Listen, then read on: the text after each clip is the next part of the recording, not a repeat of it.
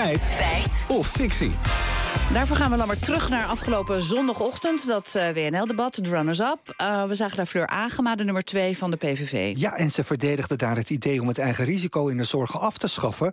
Volgens Agema kunnen veel mensen de zorgkosten niet meer opbrengen. En heeft het huidige zorgstelsel zelfs grote gevolgen voor onze levensverwachting.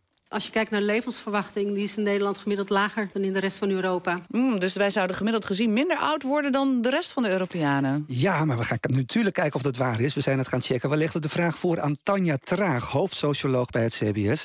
Zij is voor ons in de meest recente cijfers uit 2021 gedoken.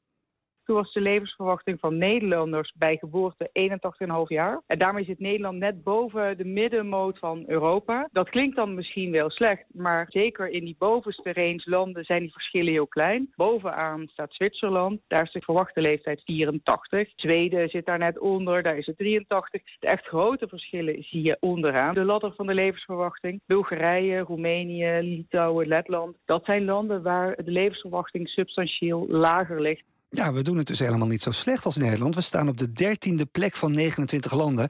En dat is dus al in de bovenste helft van de middenmoot. Het linkerrijtje, ja. Goed, welke factoren spelen mee bij het bepalen van iemands levensverwachting? Ja, allereerst natuurlijk de levensstijl. Dat is een hele belangrijke. Leo van Wissen, hoogleraar economische demografie aan de Rijksuniversiteit Groningen, vertelt hoe dat zit.